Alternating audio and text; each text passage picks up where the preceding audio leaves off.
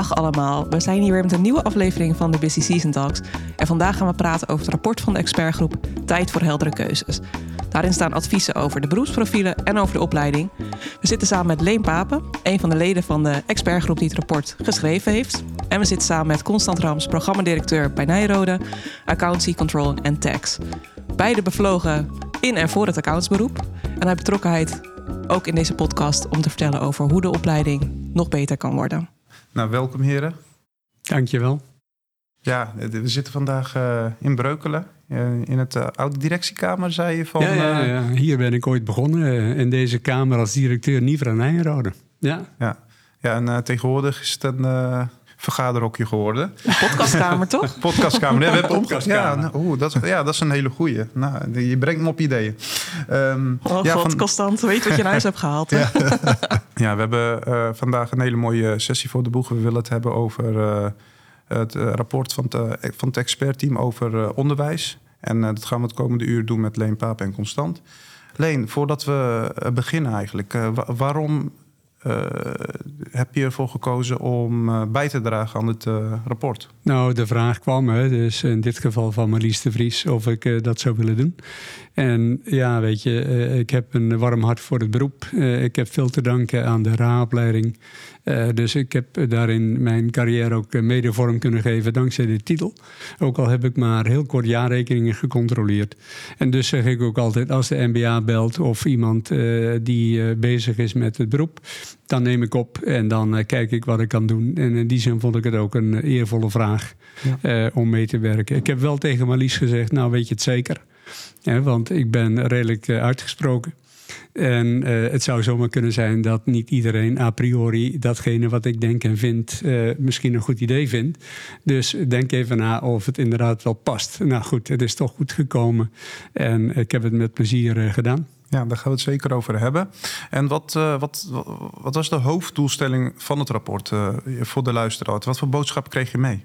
Nou, we, waren, eh, we kregen drie vragen mee. Hè. Dus één, denk na over een nieuw beroepsprofiel of profielen voor de accountant. Twee, nou ja, die opleiding, die moet toch een keer weer op de schop. En drie, denk na over de vraag: wat betekent dat voor de vraag wie waarvoor verantwoordelijk is? Dat heette dan met een mooi duur woord de institutionele inbedding. Uh, en dat gaat dan over de rol van de MBA, de CA, de opleidingen, de, de kantoren.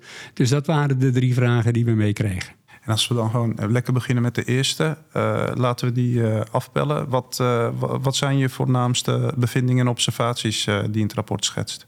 Nou, we hebben natuurlijk uh, gezegd, het is ondoenlijk om dat beroepsprofiel in die korte tijd die we hadden uh, heel gedetailleerd uh, op te schrijven. Dus wat we hebben gedaan, we hebben zogenaamde ontwerpcriteria geformuleerd. Vragen aan de hand waarvan je dat gedetailleerde profiel kan invullen. Wat we wel hebben gedaan is een keuze maken voor twee profielen. Eentje voor de RA en eentje voor de AA. En we hebben beide qua duiding een beetje veranderd. Hè. Dus we zeiden, je moet van die register accountant moet je een register auditor maken. Omdat het ook past in het vervolg van specialisaties en zo. En uh, die accountant, of uh, die AA, die moet je accountant adviseur noemen omdat met name ook dat MKB zegt, ja, we staan toch wat dichter bij die klant. We zijn wat meer de adviseur. En daarmee doe je ook wellicht wat uh, meer recht aan datgene wat ze doen. Ze zijn meer de adviseur en de RA is wat meer de order. En natuurlijk, ja, het klinkt simpel, maar dat was even wat we met elkaar hebben bedacht. En natuurlijk heeft de MBA aangegeven dat ze nog een jaar nodig denken te hebben voordat ze toe zijn aan een uh, afronding van dat uh, beroepsprofiel of van die profielen. Ja, en uh, want je hebt het over register auditor en een accountant adviseur. Wat zijn de grootste verschillen ten opzichte van wat er al bestaat? Nou ja, en de, je kan zeggen, eh, een RA is nog steeds een RA, dus misschien valt dat mee.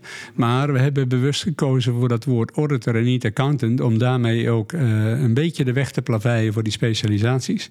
Weg te komen van accountant, wat toch door velen wordt gezien als financieel. Uh, niet ten onrechte, denk ik. En die auditor, ja, dat is toch een wat meer ook internationaal makkelijker te hanteren duiding.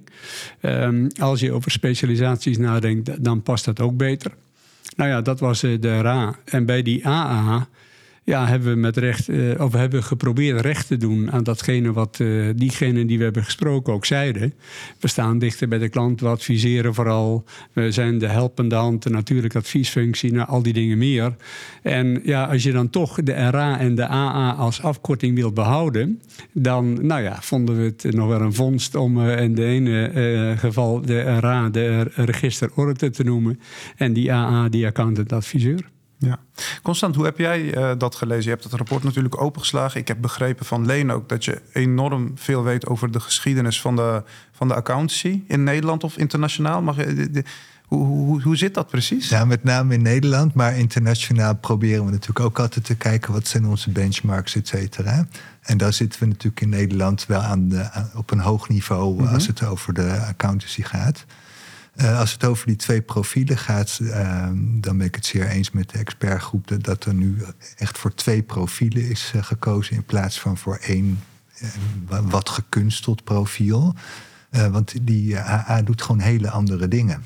adviseren, samenstellen, klanten bijstaan, et cetera, is toch een heel ander vak dan auditen. En om dat in één profiel te, te blijven persen, dat is best een hele lastige. Uh, dus wij staan er zeer, als Nijenrode ook zeer achter dat er nu een duidelijke keus gemaakt wordt uh, in profielen voor AA aan de ene kant en RA aan de andere kant.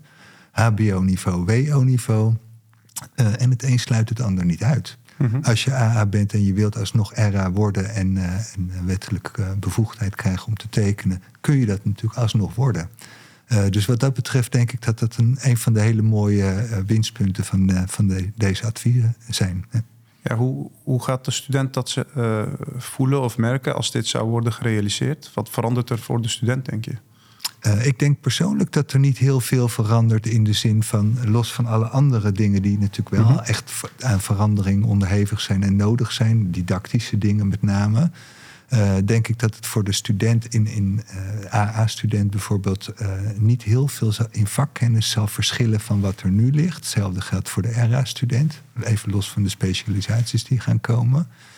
Um, maar de, het gekunstelde zit een beetje in dat ene profiel met beide wettelijke controlebevoegdheid, et cetera, mm -hmm. waar nauwelijks AA's van gebruik maken. Dus waarom moet dat per se in de lucht blijven? En als je dan wettelijke controlebevoegdheid wil uh, behouden, ja, doe dan alsnog uh, de RA-opleiding naar je AA-titel. Dus even voor uh, wellicht de luisteraars, studenten die dat niet heel goed weten. Op dit moment, als je AA bent, mag je ook wettelijke controles uitvoeren? Ja, als je ingeschreven bent in het AFM-register. Ja, ja. ja. En dat is in het nieuwe profiel uh, Lenenstad, uh, dan scheid je dat. Dus de AA mag dan alleen, heb ik begrepen, niet uh, wel vrijwillige controles uitvoeren, maar niet, geen wettelijke controles. Ja, dat is inderdaad de keuze die we hebben gemaakt. Dus ook het onderscheid HBO, WO. kijk, een van de mensen die we spraken zei: auditing is geen rocket science. En toen dacht ik, nou, ja, rocket science, nee, maar het is toch wel een beetje meer dan, dan uh, wat een HBO-opleiding uh, meebrengt. Dus wij vinden oprecht dat die RA op een wetenschappelijk niveau moet zijn opgeleid. Dus daarom een WO-keuze. Uh, en om dat onderscheid ook duidelijk te maken, ja, dan is de AA meer de HBO-variant. En die wettelijke controle, dat was natuurlijk ook een, een heikel issue. dus de AA zeiden, weet je wat, geef ons gewoon de RA-titel. Dan zijn we klaar en dan kan iedereen uh, die uh, wettelijke controles doen. En dan is de markt nog steeds in staat om keuzes te maken wie wat doet en wie niet. Maar dan hebben we uh, allemaal in basis dezelfde bevoegdheid. Nou, wij vinden dat dat. Nee, dat, dat is een paar bruggen te ver.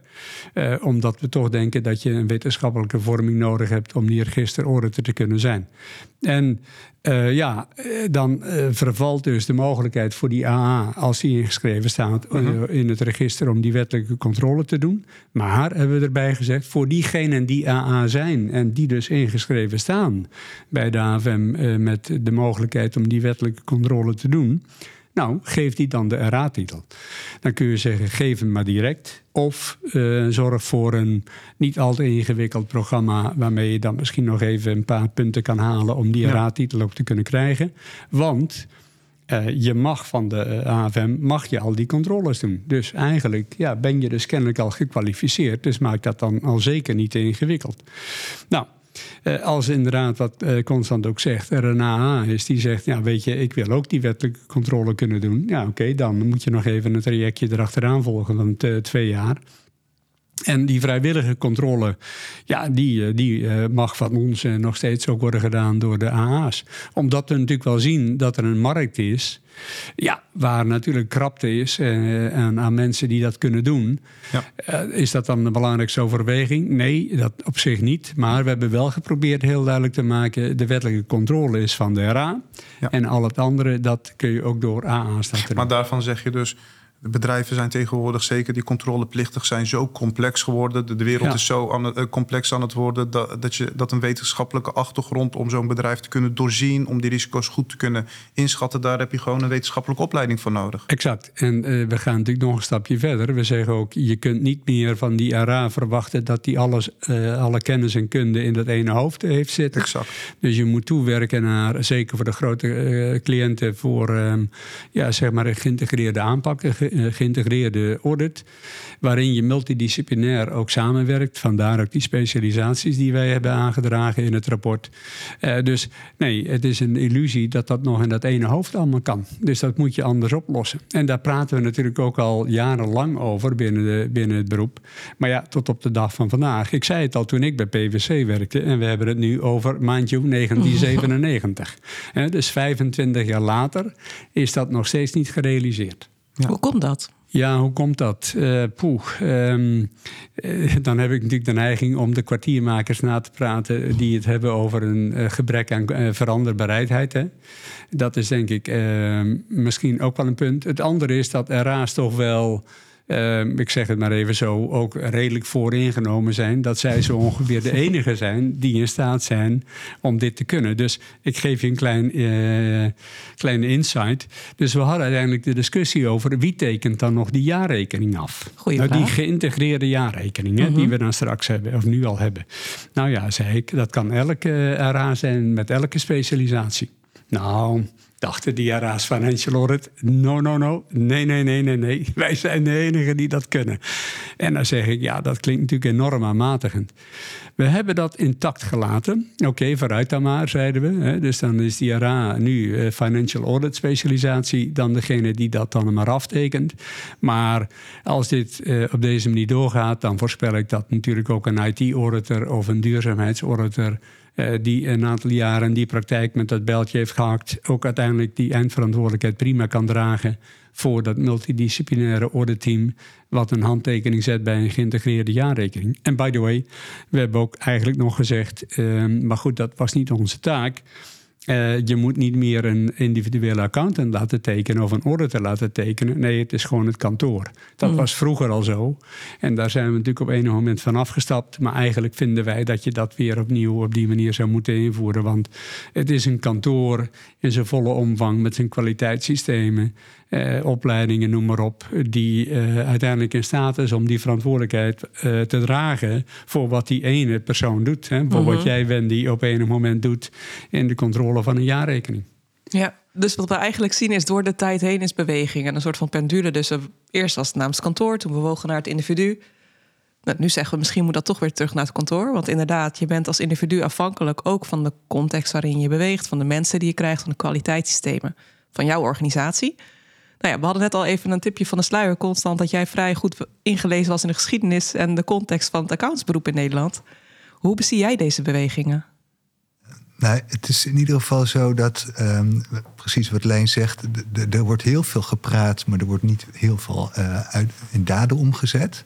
Mm -hmm. uh, maar dit is wel een momentum. Uh, het momentum is dat er nu ook nog een wettelijke taak op ESG-gebied bij komt. En dan uh, moet je op een gegeven moment zeggen: ja, nu is die maar echt te vol geworden. Dit past inderdaad niet meer in dat ene hoofd. Uh, en die specialisaties zijn nodig. Je moet gewoon die basis hebben van weten hoe te auditen en wat je vervolgens audit. Uh, dat kan inderdaad verschillen en dat kan in, in specialisaties dus apart aangedragen worden. Um, maar ik denk dat, uh, um, dat er inderdaad in, in, het verleden ook momenten waren dat we het erover hadden. Dit, dit moeten we nu gaan doen. En dan was er toch die urgentie was nog niet voldoende. Mm. Uh, waarvan ik nu denk, nou, dit is echt het momentum dat we het moeten doen. Mm. En nog even, als ik dat mag aanvullen. Dus een andere reden was natuurlijk, de opleiding moet studeerbaarder worden. Hij moet niet langer worden. Uh, hij moet aantrekkelijker worden. En dan zeiden we ja, uh, steeds meer in dat ene hoofd leidt tot een langere opleiding. Dus dat willen we al zeker niet. En als er meer in moet, ja, dan moeten er ook dingen uit. Ja, dan, dan ontkom je bijna niet aan het, een, een, een, vorm van specialisatie. Dus als er al een moment was, inderdaad, eh, constant waarop we dat zouden moeten doen, ja, dan is dat hopelijk nu. Mm, Ja, en zou- zien Zou je dat kunnen toelichten, alleen? Hoe ziet die nieuwe opzet er dan uit? Voor, eh, de, voor de geïnteresseerde luisteraar die het rapport niet heeft eh, gelezen, wat eh, stellen jullie eigenlijk voor? Nou, we hebben gezegd, we gaan hem in ieder geval nominaal niet langer maken. Ook niet korter. Hè? Dus het blijft vier jaar. Dus drie jaar bachelor, één jaar master. Dan zit je op vier. Dan twee jaar postmaster. Dan zit je op zes. Nu is dat de facto ook eigenlijk zo. Ja, er zijn wel wat trajecten die wat langer duren. Maar in essentie kun je, zou het in zes jaar kunnen. Maar de praktijk leert natuurlijk dat het een stuk langer is. Eh, daar zit ook de praktijkopleiding aan vast. Er zit, nou ja, nogmaals, allerlei redenen waarom dat zo is. Dus we houden hem op zes jaar. Als je dan inderdaad opnieuw gaat kijken naar maak het studeerbaar. Ja, we hebben gezegd, eh, keep er de CA-eindtermen maar overboord. Hè, eh, als ik het zo plat mag uitdrukken. Want dat is een enorm keurslijf. Dus dan zeggen we, weg ermee. Dus kom met leertaken, kom met eh, wat meer globale beschrijvingen van wat je moet kunnen en kennen. Nou, dan kun je dus ook wellicht een aantal van die dingen die nu heel gedetailleerd zijn voorgeschreven, kun je weghalen. Helemaal dan wel verplaatsen naar specialisaties. En daarmee is het idee: je hebt vier jaar eh, voor je master bent. Dan heb je twee jaar postmaster, waarvan het eerste jaar een soort basisjaar is wat iedereen krijgt. Hè? Dus de RE's, de RO's, de RC's, de RA's, eh, nou, noem ze allemaal maar op. Die, eh, de duurzaamheidsauditor. En het tweede jaar is dan een specialisatie. Dan nog moet je wel hele stevige keuzes maken. Want ik heb natuurlijk ook al IT-auditors gehad. Eh, Arnoud van Kempen gaat vast luisteren. En die eh, zegt ook, ja alleen, ja, jij denkt toch niet dat een IT-auditor in één jaar op te leiden is? Ik, nee Arnoud, nee. Dat denk ik niet. Maar je kunt een basis leggen. En in de praktijk moet je natuurlijk altijd weer een hoop dingen eh, nog leren. En voordat je überhaupt een handtekening mag zetten, ben je al jaren verder. Dus ja, je moet uiteindelijk toch. eh, in de beperking toont zich de meesters. zich de meester, zeggen de Duitsers dan. En dat wordt ook nog wel een ding om A van die CA-eindtermen af te komen. En B om toch ook nog een keer heel duidelijk te kiezen. wat doen we dan wel in zo'n opleiding? Want we willen er meer gedragscomponent in, adviesvaardigheden, gespreksvaardigheden. En dat is ook allemaal heel terecht. Dus ja, er moet nog wel wat eh, gehakt en gebroken en eh, opgebouwd worden in die komende jaren. Voordat dit model ook eh, goed staat. Maar dit is in de basis het idee. En voor de HBO is het eigenlijk ook nog steeds ja, vier jaar plus, plus twee. Ehm, ja, dus je doet een HBO-opleiding met daarna de HBO-master. En dan, na die zes jaar, ben je AA. En dan, ja, als je dan nog verder wil, ja, oké, dan kun je nog de AA-variant doen. Ja. In welke specialisatie dan ook. En ik kan me voorstellen als programmadirecteur Constant dat je daar een beeld bij hebt hoe dat eruit kan gaan zien.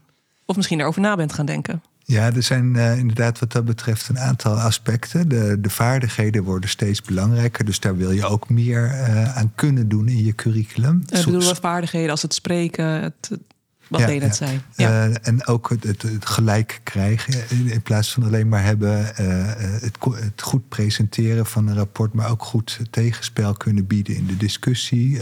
het kunnen omgaan met dilemma's. Nou, de, die hele trits wordt steeds belangrijker. Waarbij artificial intelligence ervoor zorgt dat het rekenwerk misschien wat, wat minder wordt. Dus je wilt ook een bepa- bepaalde verschuiving in, in de opleiding kunnen realiseren. En eh, dan zijn die eindtermen van de CEA eh, vrij strak. Eh, qua innovatie kun je er nog best wel mee komen. Maar bijvoorbeeld een verbreding van de instroom naar andere masters, et cetera, wordt best lastig. Eh, als je de huidige eindtermen bij elkaar op moet plussen voor een, voor een piloot of een theoloog of wat ook. Die kan o- ongeveer op VWO-niveau eh, beginnen. Ehm, en die kwalificaties, om, om dat wat hoger, eh, op hoger niveau te stellen, gaat ons echt helpen om ook de verbreding van, van de instroom in het beroep beter te krijgen. Wat, wat Leen net aangeeft, die geïntegreerde audit. Eh, die kun je ook veel beter bereiken als je gewoon mensen met, van verschillende kleur zeg maar, in zo'n auditteam kunt, eh, kunt plaatsen. dus daar zijn zeker hele goede mogelijkheden voor om, om zonder de studieduur te verlengen, toch de, de aandacht te verleggen naar andere dingen. Waarbij we het belangrijk vinden dat we het niet alleen vanuit de theoretische opleiding beschouwen, maar ook vanuit wat doet het met je in de praktijkopleiding? Voelt dat niet als een soort dubbel of ja, de verslagen die je moet schrijven of zo? dat je denkt van ja, wat, wat, wat leer ik hiervan? Dat, dat, dat, dat je dat goed met elkaar kunt integreren en daarnaast ook wat je doet op de werkplek. Zoals bijvoorbeeld de medici, wat in het rapport goed aangegeven wordt, mhm. eh, die ook aantoonbaar op de werkplek dingen moeten doen en daar ook punten voor kunnen scoren. Dus als je die drie eenheid nou bij elkaar neemt, dan, dan kun je in onze. En daarnaast ook nog natuurlijk nieuwe didactische werkvormen zoals blended learning, transformatief onderwijs, et cetera. Dan kun je naar, naar een nog betere opleiding dan, dan die al is. Dat klinkt allemaal heel interessant. En ik ben ook nieuwsgierig. Wat is transformerend onderwijs dan? Ja, heel kort gezegd, ehm, dat je als een ander persoon naar buiten gaat dan dat je binnenkwam. Dat is, dat is, dat is een beste lat. Ja. en dat bedoel aan het eind van de opleiding. Ja, en uh, dat, dat zit hem dan met name ook natuurlijk in dat stukje vaardigheden. Dus ja. um, dat je echt voor jezelf ook met dilemma's leert omgaan. En dat je echt voor jezelf denkt van... hé, hey, hier dacht ik een half jaar geleden anders over. Ja, echt uh, paradigma shift. Juist, ja. Dus die essentie van het auditor zijn, die wil je juist in dat basisdeel, uh, de, die, dat transformatieve deel wil je, daar, wil je daarin al uh, leggen en bereiken? Nou, de ambitie is van begin tot het einde. Ja. ja dus tot en met de postmaster toe. Mm -hmm. ja. Mooi. En ik hoor een paar dingen die er dus meer bij kunnen. Dus dan hebben we het over vaardigheden. Nou, ik hoor, we horen ook wel eens filosofie kan erbij, geschiedenis kan erbij. Hè? Om die beroepseer ook weer te te herstellen of in eer te herstellen. Maar wat kan er dan bijvoorbeeld uit? Durven we dat ook te duiden? Uh, nou, ik vind uh, uh, dat dit rapport heel erg helpt, omdat je niet meer alles hoeft te doen. Ook, ook niet straks de ESG-component allemaal mm hoeft te weten. de operational audit, et cetera. dus wat dat betreft gaat dat al helpen. Om, om de opleiding inderdaad binnen dezelfde tijd anders in te richten dan die nu is. En nogmaals, het gaat niet alleen om, om het theoretische stukje, maar om het, om het grote geheel van, van werken, praktijkopleiding en theoretische opleiding. Ja, en daar die synergie in vinden. Ja, misschien nog even een aanvulling. Hè. Dus toen uh, de CSRD kwam, hè, de Corporate Sustainability Reporting Directive, toen spraken we ook met de CEA, uh, toen nog vanuit mijn rol als voorzitter van de Raad voor de Praktijkopleidingen. En toen zeiden we, ja, verhip, dit moet er ook bij. Hoe gaan we dat doen? Nou zeiden we toen met elkaar in dat overleg met de CA... ja, we moeten mensen op een hoger conceptueel niveau proberen op te leiden. Nou, dat is natuurlijk een mooie woorden, maar hoe doe je dat dan? Hè? Maar in ieder geval, het veronderstelt dat je wat meer de, de diepgaande inhoudelijke detailkennis dan weghaalt. En dat je hoopt dat je mensen op een dusdanig niveau kan brengen dat ze die uh, vakinhoudelijke details ook snel kunnen leren. Omdat ze, nou ja, voldoende uh, kennis en voldoende uh, IQ hebben om dat ook snel te kunnen vertalen. Nou, dat is ook denk ik wat wij hebben geprobeerd in dat rapport, zonder het nou precies met deze woorden te omschrijven, maar in ieder geval te formuleren. Um, en dus wat kan eruit? Ja, dan haal je levensverzekeringswiskunde eruit. Altijd ja. een populair onderwerp natuurlijk. Oh, die, had, die had ik maar, echt niet gemist. Nee. nee, zo is het. en zo zijn er nog wel een paar dingen waarvan je denkt, ja, die kunnen er dan uit. Um, mm -hmm. En kijk, Misschien nog even ook wat, wat in die discussie langskwam. Dat is eh, waarom willen we integratie theorie-praktijk? Dat is natuurlijk uh, omdat dat ook uh, bijdraagt aan dat lerend vermogen. En uiteindelijk ook die detailkennis uit de praktijk op die manier ook kunnen worden geleerd. En de kantoren zeiden, de grotere met name, nou weet je wat, die praktijkopleiding doe maar na die zes jaar. Mm. Uh, want ja, voordat ze mogen tekenen, zijn ze toch al jaren verder. Dus dat kan wel daarna. Ja, zeiden we, wacht even, maar dat is nou net niet de bedoeling. Want dan hm. heb je 6 plus 3, dan zit je op 9. Nou, dat willen we niet. Dus we willen die drie jaar integreren in. Dat is nog een dingetje. Voor twee jaar lukt dat makkelijk, die makkelijker, hè, voor die postmasterfase. Dan moet je nog even zoeken, hoe doen we dat voor dat derde jaar. Maar dat geldt alleen voor diegenen die dus de financial audit specialisatie krijgen Alleen voor hen geldt die drie jaar, voor de rest geldt dat niet. Dus kun je ook met twee jaar volstaan. Nou ja, dan moet Want is die drie jaar een harde eis? Ja, dus vanuit de Europese regelgeving is uh, voorgeschreven dat als jij de wettelijke controle doet, die uh, financial audit dan even in ons rapport, dan moet je drie jaar praktijkopleiding hebben gevolgd. Helder. Dat staat niet altijd even scherp omschreven wat dan en precies en wanneer begint het dan en zo. Dus daar zit wel ruimte in. En wij denken dat die ruimte ook wel te vinden is. Dus in die postmaster is een geïntegreerd theorie-praktijk uh, traject van twee jaar. Nou, dat derde jaar kun je dat dan kwijt voor een belangrijk deel in de masterfase. Of misschien toch nog iets daarna. Nou ja, goed, daar moet je nog even puzzelen. Maar voor die andere specialisaties geldt dit probleem niet. Oké, dus een voorbeeld. Ik ben zelf uh, heb ik mijn theoretische RE ja. afgerond. Daar moet ik, uh, om die RE-titel te mogen aanvragen, 4.500 uur voor maken. Dat is vrij veel. Dus ik ben speciaal daarvoor ook overgestapt naar de IT-afdeling om die uur te kunnen maken. Daar kan je drie, vier, soms vijf jaar over doen. Ja. Ligt er een beetje aan hoeveel ja. je werkt. Maar dat zou in principe na twee jaar kunnen. Ja, weet je, dat is ook zo'n punt. Dat uh, is de eeuwige discussie over de vlieguren. Mm -hmm. Nou, uh, mm, ik weet het, de Norea heeft daar 4500 uur voor uh, opgetekend. Weet je, het is niet aan mij om te bepalen wat het goede getal is. Maar ik ben altijd een beetje wars van dat soort getallen. Want die gaan namelijk een eigen leven leiden. Klopt. En dan zitten we weer in het format van de CA. Dan gaan we het niet hebben over hoeveel uren boekhouden levensverzekeringswiskunde. Om dat vak nog maar een keer te noemen. Je moet hebben gehad. Nee, dan gaan we het afmeten in uren. Nou, dat is net zo'n een, een ja, een middel wat uiteindelijk een doel in zichzelf is geworden. Klopt. Dus ik vind dat dat niet het goede uitgangspunt is. En dat is by the way ook een van de uh, punten waarom we zeggen... het waren te wensen dat de NBA weer dat federatieve verband wordt... Hè, van de NOREA, van de VRC, van de IEA's van de wereld... waarin je dus met elkaar in gesprek kunt gaan over je beroepsstandaarden... over de normering, hoe je de dingen doet... en je dus ook kunt spreken over de wijze wanneer ben je gekwalificeerd. En ja, uh, die 4.500 uur uh, zou ik te veel vinden van het goede. Ja. Want dat betekent dat je tenminste drie jaar werkzaam moet zijn... voor je het überhaupt kan bereiken. Maar goed, daar ga ik er niet over. En daar is jullie advies maken kwalitatieve doelen van. Hang er niet per se cijfertjes Exact. of uh, heel veel regels aan, want dat leidt weer tot allerlei andere soorten gedrag en Exact. processen. En dat is niet wenselijk. En wat je dan wel kan doen, en dat is natuurlijk wat in de praktijk ook gebeurt... als jij in een kantoor werkt en je wordt een RE... Uh, met die nou lichtere, nou, misschien moet ik dat woord niet gebruiken, maar met die eisen die ik nu net probeer te formuleren. Ja, het is evident voordat ze jou die handtekening laten zetten onder een ISAE 3402-verklaring als voorbeeld, zullen ze wellicht zeggen: ja, uh, wacht even aan, dan moet je nog even één of twee jaar toch in de praktijkje laten zien dat je dat kan. En dat is helemaal niet erg. Maar dat is dan uh, hetgeen wat je doet nadat je de opleiding hebt gedaan. En we hebben angstvallig geprobeerd het woord basis weg te houden. Maar goed, mm, dat dreigt over heel snel uh, boven de kim te komen natuurlijk. Maar dat wil je proberen te vermijden. En dan zeggen in die praktijk, ja, moet je natuurlijk nog je, ja, toch ook nog je laten zien dat je, dat je het goed kan. Nou, prima. Dus de accountant zonder specialisatie, is dat, uh, zo moet ik hem dan wel noemen? Nou, uh, nee, dat, we, we, zeggen je bent een master uh, in auditing. Hè? Dat is mm-hmm. als je je masteropleiding hebt gedaan. En als je die postmaster hebt gedaan, word je dus RA met mm-hmm. een zekere duiding. Hè? Uh, financial audit, IT audit, nou whatever it may be. Dat is hoe we het zien. Um, en, en daar past dan niet meer het woord basis bij. Dat, ja. dat willen we voorkomen. Het enige wat je nog wel, die vraag kwam ook nog op. Oké, okay, beroepstitel, opleidingstitel.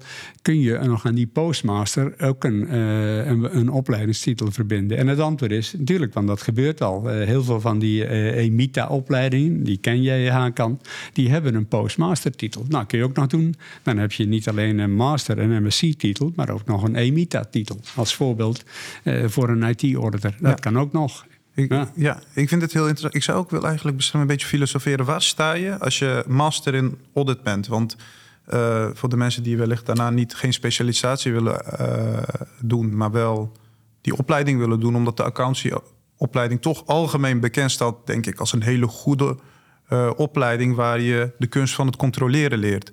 Dus, maar tegelijkertijd vinden we ook het moet studeerbaarder. Dus we willen echt alle basiselementen erin hebben. Wat, zijn die basiselementen? constant, als jij dat rapport leest, hoe zou jij dat nu gaan bouwen? Waar staat een master in auditing student aan het eind van het traject? Eh, even los van het inhoudelijke, dat je, dat je toch echt kennis hebt als auditor. Uh, ik zal het woord basis niet gebruiken. Mm -hmm. uh, van, van de hoofdvakken, EV, BIF en, en auditing. Ja. Um, dus dat je al echt het gevoel hebt van wat, wat houdt een audit traject in, zeg maar. is het maatschappelijke effect van gewoon een mastertitel geeft al aan dat je een bepaald niveau hebt. En dan ligt eigenlijk de wereld voor je open. Dan kun je een van de specialisaties uh, gaan doen die geadviseerd zijn, maar ook heel veel andere dingen. Uh, want uh, legio mensen studeren natuurlijk af als master en gaan vervolgens werken. En daar komt nooit meer een postmaster aan te pas. Dus eigenlijk ligt de wereld aan je open, voor je open aan de ene kant. Uh, met de master auditing. En aan de andere kant, uh, ja, het is wel een leven lang leren. Mm -hmm. uh, dus wat Leen ook aangeeft, dat hoeft allemaal niet in die praktijkopleiding met 4.500 uur mm -hmm. om, om RE te worden. Maar je zult wel jezelf blijven ontwikkelen als RE of als RA. Uh, om uiteindelijk uh, aan je eisen te blijven voldoen, om bij te blijven, om verder te specialiseren in bepaalde gebieden. Ja. Uh, daar heeft de expertgroep ook op, op het gebied van de permanente educatie het een en ander opgeschreven, waar we als Nijrode ook van harte af, achter staan. Uh, omdat we er diep in geloven dat, dat het uh, lifelong learning echt iets is wat bij deze maatschappij hoort. Dat je nooit meer kan zeggen: ik ben na een master auditing klaar voor de rest van mijn mm -hmm. leven.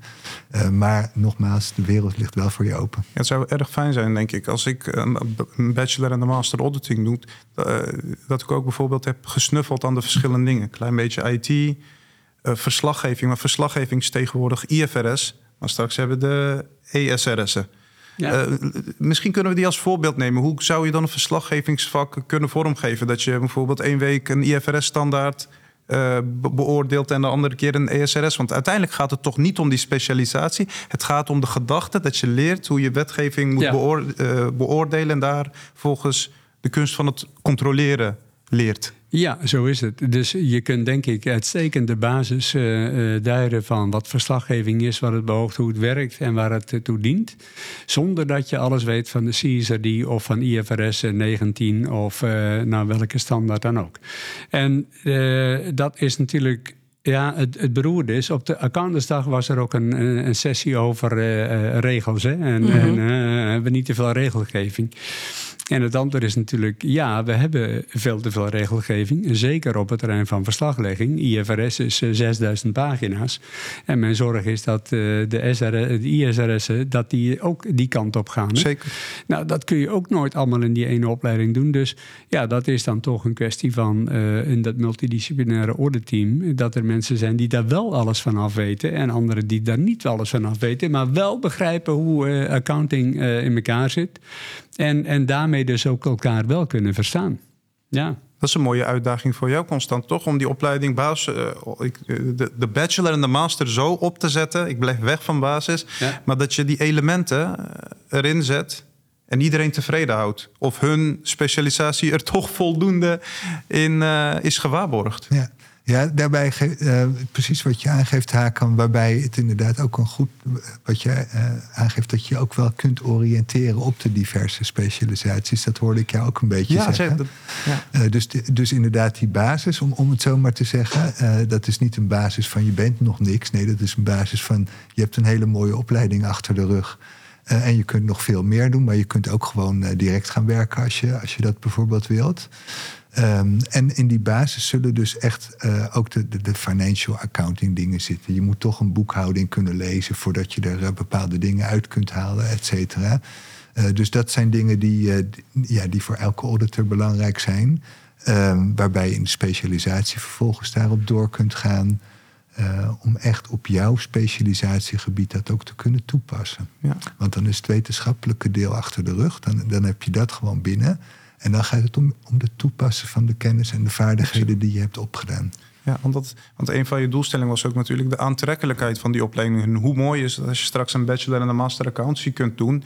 En dan kan je zeggen, ja, maar als je zo'n bachelor en master hebt gedaan, dan weet je hoe je verslaggeving moet interpreteren. Je leert wat van finance, je leert van IT en technologie. Dus je, en met name, je leert die houding van een met de rechte rug, een echte accountant zijn. En dat is een hele mooie basis om daarna van alles en nog wat te doen in het leven. Daar zou ik heel erg gelukkig van worden. Zo'n opleiding zou ik, denk ik, mijn nichtjes, neefjes en mensen die daar geïnteresseerd zijn aan willen bieden. Ja, dus je kunt ook uh, de vergelijking maken met een medische stand of de piloot. Hè. Dus die hebben we ook aangevoerd in ons rapport. Kijk, een piloot wordt opgeleid om te vliegen en daarna moet hij specialiseren in het type vliegtuig. Eh, of dat een Boeing 737 is of een 747 of welk type dan ook of een Airbus.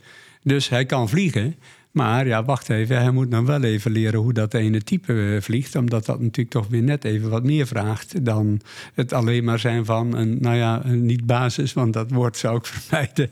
Maar van een piloot die wel kan vliegen, maar nog niet weet hoe dat ene type in elkaar zit. En bij artsen is dat wel, daar noemen we het dan wel basisartsen. Dat is dan een beetje het probleem. Maar daar zie je natuurlijk ook dat je, ja, daarna moet je nog even van alles leren als specialist. En by the way, in dat beroep duurt het nog een beetje langer hè, mhm. voordat je een specialist specialist bent dan, dan wij als, eh, als accountant auditor gewend zijn. Want daar duurt het echt uh, meer dan tien jaar. Hmm. Ja. Nou, dan zien we dus dat we hele mooie plannen hebben voor de opleiding. Nou, we zien ook bij Nairo in ieder geval als ook het vertrouwen dat dat kan. We hebben het beroepsprofiel besproken. En nu, het derde punt was de institutionele inbedding. nou, er is nog één ding, misschien heel kort even, uh, Wendy.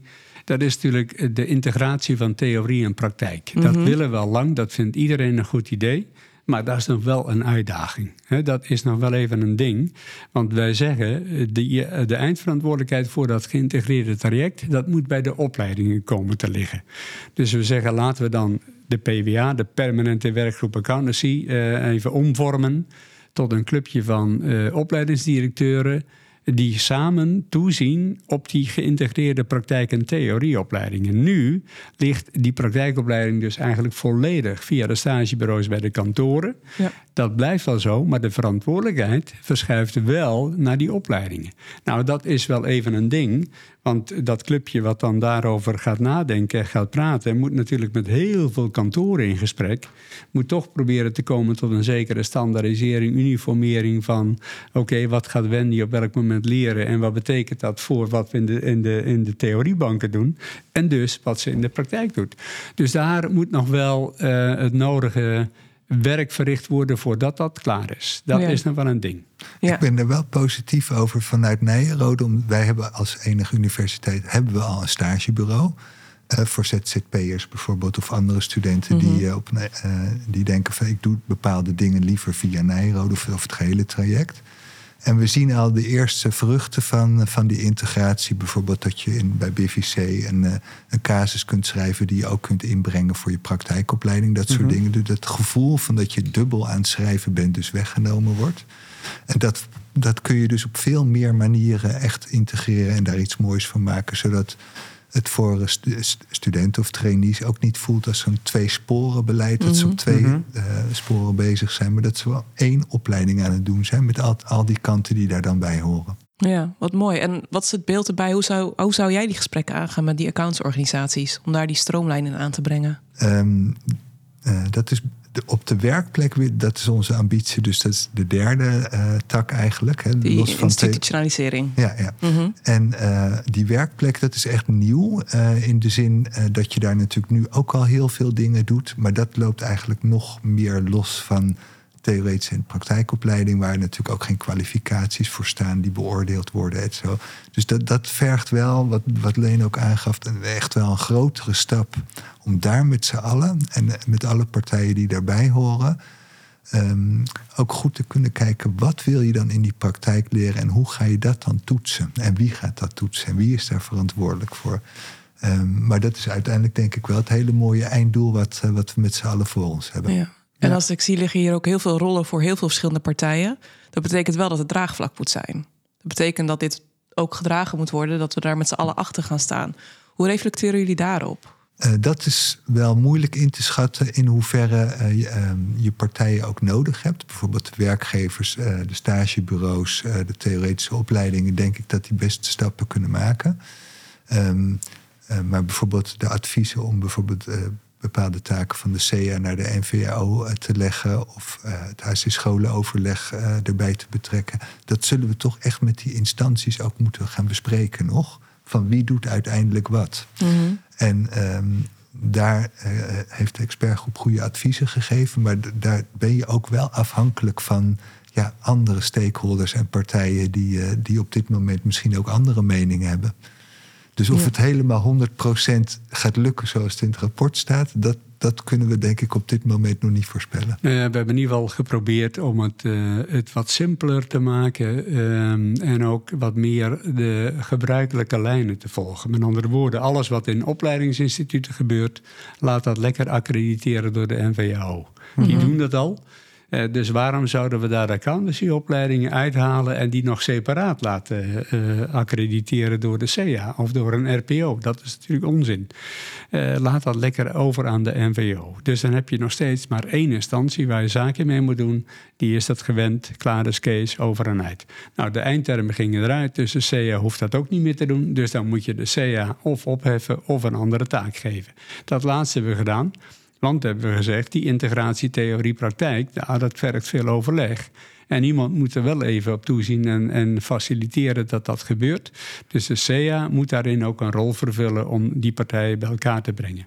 Nou, wat ik zei, die permanente werkgroep accountancy, of in ieder geval een clubje hoogleraren, opleidingsdirecteuren, die in gezamenlijkheid ook een taak geeft om te zorgen dat die integratie theorie, praktijk en die afstemming tussen kantoren en theorie ook goed plaatsvindt, hebben we daarin ook gepositioneerd. En de RPO kun je dan opheffen. Maar zeiden er ook bij, dat, dat beroepsexamen, wat nu dat geïntegreerde stopexamen is, mm-hmm. maar dat is nu een nieuwe naam, beroepsexamen, prima. Nou, die taak, uh, die moet je wel houden. Dus dat deel van de RPO, dat werkt goed. Rem Corones uh, doet dat uitstekend, dus laat dat in stand. En ja, hang dat dan op uh, binnen de MBA of hang dat op aan die, die club, die opleidingsdirecteuren. Maar in ieder geval, dat deel moet blijven. En het andere deel, het overzicht uh, op, op de stagebureaus, ja, dat gaat dan uh, via die opleidingsdirecteuren, want die moeten zorgen dat die stagebureaus ook hun dingen doen. Nou, dus we hebben daarin ook uh, gekeken naar hoe het in de medische wereld gaat. Mm -hmm. En dan tot slot die permanente educatie, daarvan hebben we gezegd, ja, dat moet natuurlijk strikter. en kijk maar weer naar de medische wereld, kijk maar weer naar piloten. Ja, die piloten moeten regelmatig terug die simulator in. Ja, die type ratings, die moeten actueel blijven. Exact. En ja. als ze en als ze zakken, dan mogen ze echt niet meer vliegen. Nou, dat moet je in ons beroep ook iets strikter aanpakken, want die vrijblijvendheid is natuurlijk veel te groot. En ja, vind je nu de vrijblijvend, uh, vrijblijvendheid veel te groot? Want we zijn net ook, ook overgestapt naar een meer kwalitatief model. Je had eerst een PE-model met punten. Dat is ja. nu niet nou zo. Ja, dat PE-puntenmodel was niet ideaal, maar wat we nu hebben, vind ik niet goed genoeg. Hè. Dan mag Leen Papen zelf nadenken over wat ga ik het komende jaar doen. Het wordt niet getoetst. Uh, ik vul wat in. Ja, ik, ik, ik, ik, maak het nu wel erg klein. Mm -hmm. Maar dat is niet goed genoeg. Je zult met name in die professionele beroepsuitoefening ook meer moeten bepalen. Wat moet jij weer nieuw bijleren? En ja, als dat essentiële kennis is, moet je die ook gewoon examineren. Ja. Jammer dan. Niet, niet alleen maar zeggen: ik heb uh, tien uur met Hakan in de, in de les gezeten om iets over IT-orde te horen. Nee, als dat essentiële kennis is, dan moet je die ook examineren. Want nogmaals, dat is noodzakelijk om je beroep goed te kunnen uitoefenen. Ja, wij dachten, als je gewoon alle, alle afleveringen van de Busy Season Talks luistert, dan kom je een heel uh, eind. Dan kom je een heel eind, ja. dan kom je een heel eind. Nee, dus ook op dat punt uh, hebben we toch wat striktere eisen geformuleerd. En ja. Uh, dat, dat is natuurlijk even lastig, want dat zijn we niet gewend. Ja, oké, okay, so be it. Maar dat is gewoon puur ook andere beroepen die zich serieus nemen, ja. doen dat. Die hebben gewoon strikte eisen en wij zijn er juist van afgestapt. En jij ja. vindt, dat moet gewoon terug. Want als je jezelf serieus ja. neemt, een belangrijk beroep, complexe uitdagingen... Zo daar, is het. Daar hoort daar toets, uh, ja. Een noblesse oblige. Je moet als uh, uh, maatschappelijk relevante factor, en dat willen we zijn, dat claimen we als accountants, als auditors, dan moet je dat ook op die manier invullen. Dat kan niet anders. En echt waar, dat, dit hadden we al bedacht voordat we het hadden over examenfraudes en zo. Want dat is dan nog maar een, een detail. Dat, daar, daar zou ik het zeker niet aan ophangen. Maar je moet het wel serieus doen. Ja. En nu? Nu, hoe nu verder? Er zijn behoorlijk wat, we zeiden het net al, er zijn behoorlijk wat partijen aan zet. Wie heeft nu het heft in handen? Wie gaat aan de slag? Ja, dat is een goede vraag. We hebben eigenlijk um, uh, behoefte toch aan uh, misschien een kwartiermaker, de 2.0 of wat ook. Van de urgentie ligt er, dus dat mm -hmm. is wel duidelijk. Maar er zijn natuurlijk heel veel stakeholders die meegenomen moeten worden in deze goede adviezen. Ehm, en ik denk nogmaals dat de timing ideaal is om daar nu ook echt op door te pakken. Maar we kunnen het niet alleen, dus we moeten met z'n allen aan de slag. Ja. Leen, ben je beschikbaar? Kwartiermaker 2.0. Ja, je, je, had het erover dat jij altijd de telefoon opneemt. Ja, dus. dat, heb, je, nou, dat heb je toegezegd. het staat op tape. het staat op tape. Nee jongens, als het beroep belt, dan neem ik op. Dat zeker. Uh, nog even los van uh, die kwartiermaker 2.0. Ik denk wel dat er zoiets nodig is. En uh, de kwartiermakers zeiden, wij zijn niet beschikbaar. Maar hun en onze zorg is oké, uh, gaat er nu wel wat gebeuren? Uh, dus als expertgroep hebben we uh, de rapporten uit de afgelopen 10, 15 jaar ook gelezen. En dan zeggen we ja, zoveel nieuws hebben wij niet bedacht hoor. Dat mm -hmm. stond er allemaal al lang. rapport Dassen was er ook al zo een. dus er is al heel veel bedacht in die 10, 15 jaar, maar er is verrekte weinig veranderd. Mm -hmm. Dus als we die kans die je constant nu schetst te baat willen nemen, vergt dat inzet van velen. En uh, de, de zorg is er dat dat niet vanzelf gaat. En dat als er niet mensen zijn die dat ja, ook, ook bewaken en najagen, dat het zo wel eens zou kunnen zijn dat ook ons rapport weer in die bekende la terechtkomt. En dat er dan over een aantal jaren weer een rapport wordt geschreven. En dan halen ze dat rapport nog even onder het stof vandaan. Oh, dat stond er toen ook al. En Um, er zijn een paar dingen heel belangrijk. De opleidingen kunnen al beginnen. Het Stip aan de Horizon eh, rapport was ook een goed rapport. Dus ik zou zeggen, opleidingen, pak de handschoenen op. Ik zie het ook op sommige punten gebeuren. Peter Eimers is met initiatief bezig eh, bij de VU. Uh, hier op Nijrode gebeuren dingen. En ik heb niet overal het zicht. Dus dat zijn goede dingen, vooral doorzetten. Jullie, Nest Academy... Hè, uh, geweldig initiatief, jongens. Ik wil het nog wel een keer voor, hier, uh, voor, uh, voor de podcast ook noemen. dat, dat zijn hele goede dingen, dus ga daarmee voort. Omdat je daarmee, denk ik, ook een bijdrage levert aan die verandering die nodig is. Maar de NBA moet even uh, harder gaan lopen, meer zijn best doen. En de grote kantoren moeten ook even in actie komen.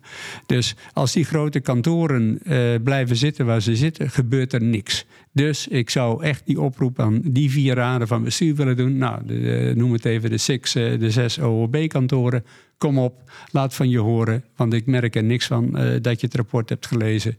En dat je uh, ook al dingen van plan bent te gaan doen. Want alweer, jullie moeten voorop gaan. Als jullie het niet doen, dan vrees ik dat het ja, het zoveelste rapport wordt... wat helaas tot weinig gaat leiden. Dus ga naar de ledenvergadering, neem je verantwoordelijkheid... Dat. Ja, dus, dus ook, dat geldt voor iedere beroepsbeoefenaar. Dus ik heb afgelopen maandag die ledenvergadering virtueel bijgewoond. En wat ik dan wel weer grappig vond, werd gevraagd als eerste vraag... heeft u uh, de twee rapporten gelezen, de samenvattingen gelezen? Uh, heeft u het ene gelezen of het andere gelezen of iets anders? En dan zegt 44 procent, we hebben de samenvattingen gelezen. En heel weinig die zeggen dat ze beide rapporten hebben gelezen. En dan zeg ik, nou dat is grappig, want beide rapporten kennen geen samenvatting dus wat heb je dan wel gelezen? Dus, nou ja, goed. Als dat. Eh, dus mijn, mijn bange vermoeden is dan dat mensen het echt niet hebben gelezen. Maar dat ze denken: nou, oké, ik, weet, ik heb iets gehoord en ik heb de samenvatting gelezen, maar die is er niet. Ja, nou, één ding, daar wilde ik wel uh, het even over hebben. Hebben we het net ook in eerder een podcast behandeld. Maar een van de zorgen was dan ja, in het rapport staat, uh, ze gaan mijn titel afpakken, mijn RA-titel. Omdat uh, uit het rapport blijkt, ja, de RA-titel moet een, of het moet een beroepstitel zijn. Dus als je het beroep uitoefent, mag je die titel voeren. Kun je dat toelichten? Want ik heb heel veel uh, accountants gesproken die, gesproken die zich daar die gewoon dat, zorgelijk, zorgelijk vinden. Ja, nou ja, alweer de eerste die getroffen wordt, of een van de eerste ben ik zelf. Hè, dus uh, in die zin uh, heb ik mezelf ook niet gespaard. Maar ik snap dat sentiment heel goed. Ik snap dat heel goed. Maar ook daar hebben we gewoon gekeken naar wat gebeurt er in andere beroepen. Nou, als jij niet meer je licentie hebt als arts ja, mooi. Dan mag je jezelf geen chirurg meer noemen. En dan mag je jezelf ook geen orthopeed meer noemen. Dan is het gewoon over.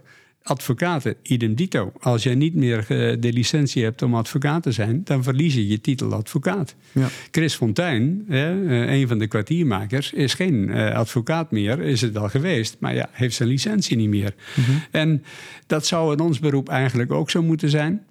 En dan nog kun je zeggen, ik ben oud-advocaat of ik ben oud-RA of zo, uh, zoiets. Hè. Uh, dus ik snap dat sentiment heel goed. Uh, ik, heb er ook, ik draag die titel nog steeds met trots. Dus ik, ik, begrijp dat dat een gevoelig punt is.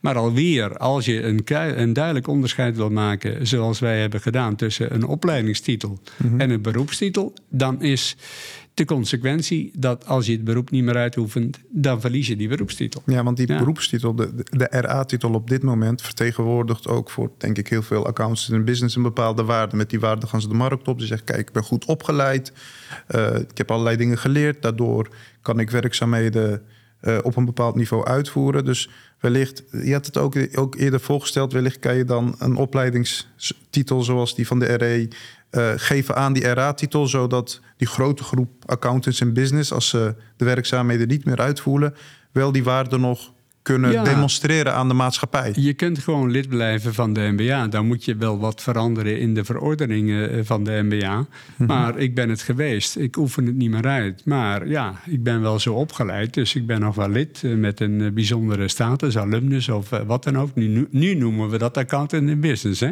Dus dat is gewoon ook om te duiden dat je geen echte ramen bent. Dat is het de facto. En by the way, ik kan natuurlijk, als ik het beroep zou verlaten en ik ga ergens anders werk als controller of als eh, financieel directeur, kan ik nog steeds op mijn cv zetten. Kijk, ik heb zoveel jaar eh, als accountant gefunctioneerd, als auditor gefunctioneerd. Hier is mijn diploma, eh, hier is mijn inschrijving bij de AFM.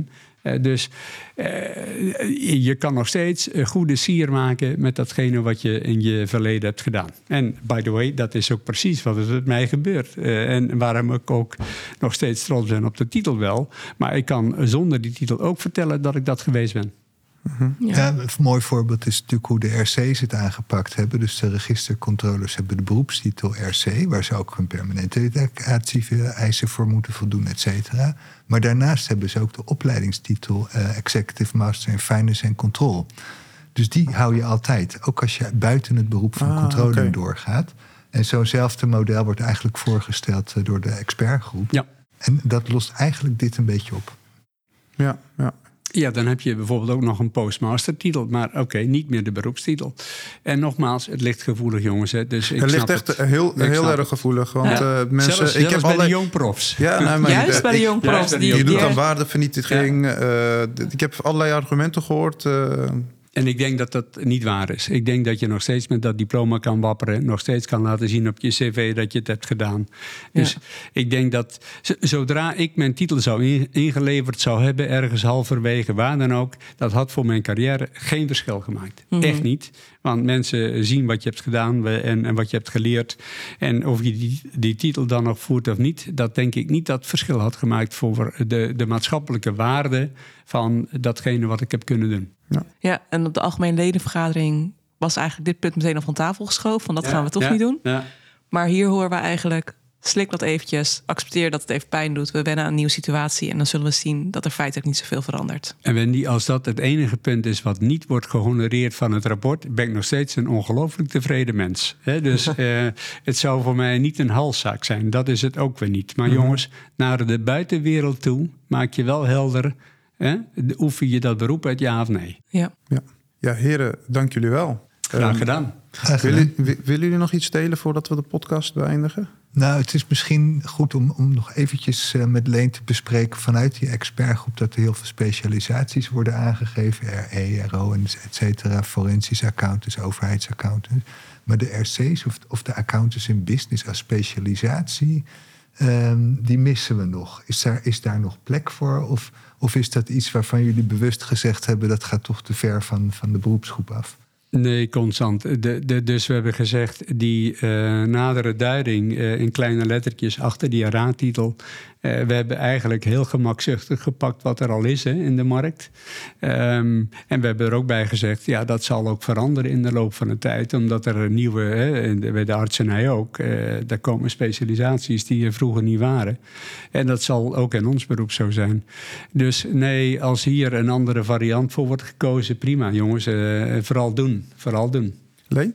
Nee, geen laatste woorden. Jongens, dank eh, voor deze uitnodiging. Om op deze manier toch nog even wat toelichting te geven. En ik hoop oprecht dat ja, jullie zijn de representanten van de nieuwe generatie. eh, dat jullie ook eh, op deze manier eh, een bijdrage leveren aan de veranderingen die we met elkaar zouden willen bereiken. En ik hoop dat ja, die angst die er is, eh, of die, die bereidheid, eh, het, het gebrek aan bereidheid tot verandering, dat dat voorbij is. En dat we inderdaad die 3,9 die op de ledenvergadering als score kwam, dat we die ook eh, echt terecht doen. Ja. Dat hoop ik. Ja. En dan misschien een laatste call to action. De kwartiermaker 2.0 mag opstaan. Nou jongens, eh, ik zeg- kijk tegen twee jonge mensen aan die eh, uitermate geschikt zijn. Dat was niet de kant die ik al wilde maar Thanks. Laat mijn vrouw dat maar niet horen. Ja, ja, ja. Ehm, dank jullie wel. Ja, dit was het dan weer. Een, echt een hele bijzondere aflevering weer van de Busy Season Talks. Eh, tot de volgende keer.